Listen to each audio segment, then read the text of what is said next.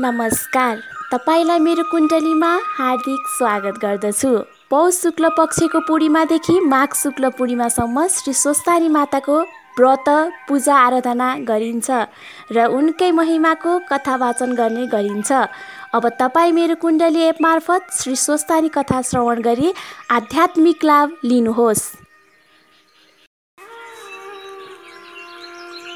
हेमरमा बडुरेन्द्ररुद्रमरुतः स्तुवन्ति दिव्यै स्तवै वेर्दै साङ्गपत्कर्मोपनिषदै गायन्ति सामगा ध्यानावस्थिततेन मनसा पश्यन्ति येन योगिनो। यशान्तनविदु सुरसुरगणा देवाय तस्मै नमः। श्रीमर्चन्दचर्तित्वजलवपु शुक्लम्बरामल्लिका मालालङ्कृतकुण्डला पर्वीलसम्मुक्तावली शोभिता। सर्वज्ञाननिदानपुस्तकधरा रुद्राक्षमालाकरा वागदेवी वदनम्बुजेव वसतु मे तरलोके माता चिरं मकुं करोति वाचलं पङ्गुलङ्घेति गिरिं यत्कृपातहं वंदे परमानन्दमाधवं नमो भगवते तस्मै व्यासायामित तेजसे यस्य प्रसादाचामि नरकतामिमं नारायणं नमस्कृत नरचैव नरोत्तं देवीं सरस्वती व्यास ततो जय मोदीरथ हरे नमः। प्रथम अध्याय। पूर्वकालमा समस्त मुनिहरूमा सबै प्रकारले ख्याति प्राप्त गरेका अगस्त्य मुनि आफ्नो आश्रममा तपमा लिन्थे। एक दिन मयुरमा चढेर स्कन्द कुमार त्यहीँ पाल्नुभयो। अगस्त्य मुनिले देखेर सम्मान साथ आसनमा बसाली स्वागत सत्कार गरिसकेपछि नम्र बाणीले सोधे हे कुमार यो संसार कसरी सृष्टि भयो? यसको विषयमा जान्ने इच्छा भयो। म उप कृपा गरी आज्ञा भए आफूलाई धन्य सम्झने थिएँ अगस्त्य मुनिको प्रश्न सुनेर कुमारजी भन्नुहुन्छ हे मुनि तिमी एकचित्त भई सुन म तिमीलाई सृष्टिको क्रम सुनाउँछु। यो सृष्टि प्रारम्भ हुँदा पहिले परवरमा परमात्माको इच्छा स्वयं स्फुरण हुनासाथ त्यही इच्छाले प्रेरित समस्त गुणले युक्त ब्रह्मा विष्णु र शिव प्रकट भए। तिनका शक्ति स्वरूप त्रिगुणले युक्त माया वा प्रकृति उत्पन्न भइन्। ती त्रिगुणात्मिका मायालाई जित्न वा बस पार्न अत्यन्त कठिन छ। उनै मायाभन्दा पर प्रतिष्ठायुक्त निवृत्ति पद छ। त्योभन्दा पर शान्ति पद र ऊभन्दा पनि पर शान्तितीत पद छ। त्यसपछि विद्यापद छ र विद्याभन्दा पनि पर निवृत्ति पद छ। जान्नेहरू त्यसलाई मोक्ष पद पनि भन्दछन्। यो संक्षेपमा भयो अलि विस्तारले सृष्टिको क्रम बुझाउन र बुझ्न पनि निकै कठिन छ। संक्षेपमा भनेको कारण पनि मुख्य यही हो प्रलय र सृष्टिको क्रम बेग्ला बेग्लै छ। एक नियमले सृष्टि हुन्छ र अर्को नियमले प्रलय हुन्छ। जो त्रिगुणात्मिका माया छन् ती शान्तितीत शान्ति विद्या प्रतिष्ठा र निवृत्ति आदि पदमा रहन सक्दिनन्। मायाभन्दा पनि टाढा रहने जो अव्यक्त छ त्यो आत्मामा विद्यमान छ। जीव अज्ञानी र प्रकृति जड हुनाले समस्त परमाणु अचेतन छन्। कारण बिना कुनै कार्य हुन सक्दैन।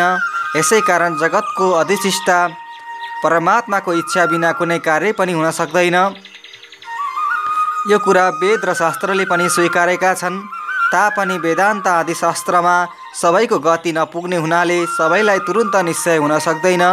त्यसै कारण जन्म मरण रूप बन्धन नछुटेर त्यसैको सुख दुःख केवल अनुभव गर्ने जीवद्वारा यो संसारको क्रम चलिरहेको छ।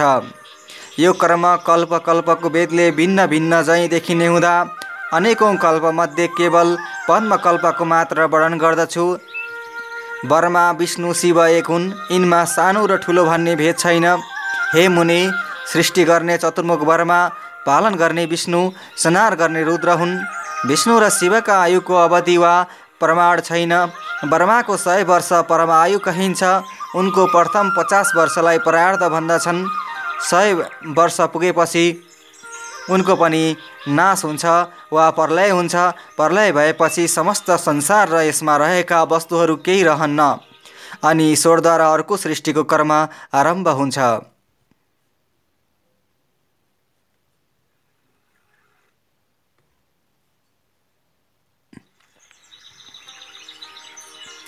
त्यो नयाँ सृष्टि पनि अगाडि जुन क्रमले चलेको थियो सोही प्रकारले चल्न थाल्दछ। प्रलय चाहिँ अनेक प्रकारले हुन्छ।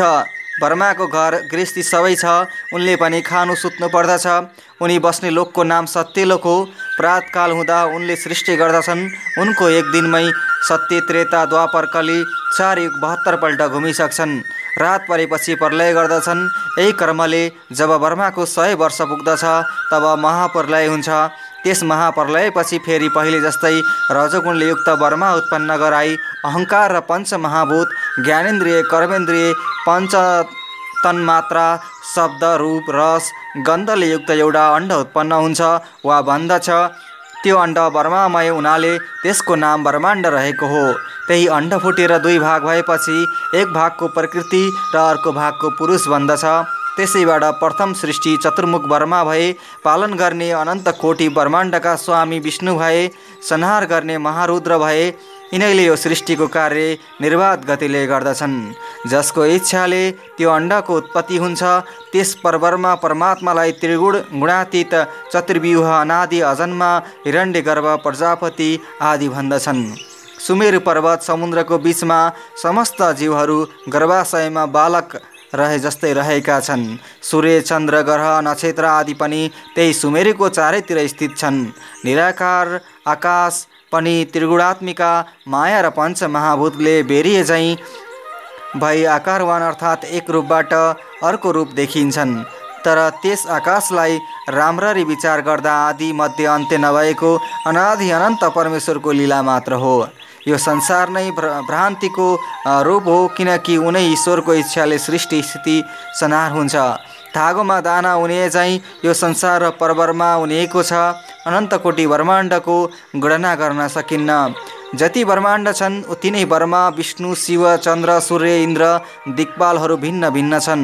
जस्तै स्वप्नमा देखेका अनेकौँ सुख दुःखको अनुभव जागा हुनासाथ केही पनि रहन्न त्यस्तै यो मिथ्या अनित्य संसारको सुख दुःख पनि स्वप्न जस्तै छ।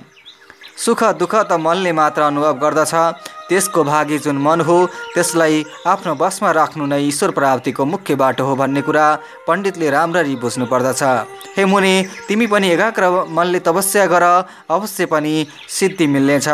मैले यो सृष्टिको कर्म संक्षेपमा सुनाएँ अब दोस्रो अध्यायमा पद्मकल्पको वर्णन गर्दछु। ध्यानपूर्वक सुना।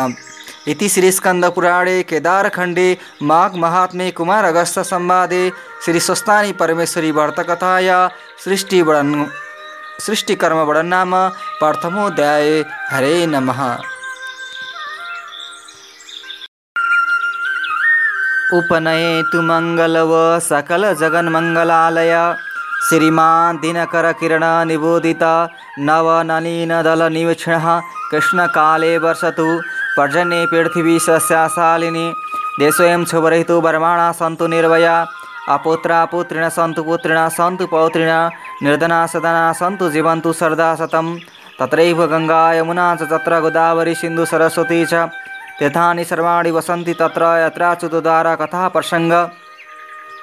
या कुन्देन्तु तुषहारहारधवला या शुभ्रवस्त्रावृता या वीणावरदण्डमण्डितकरा या श्वेता पद्मासना।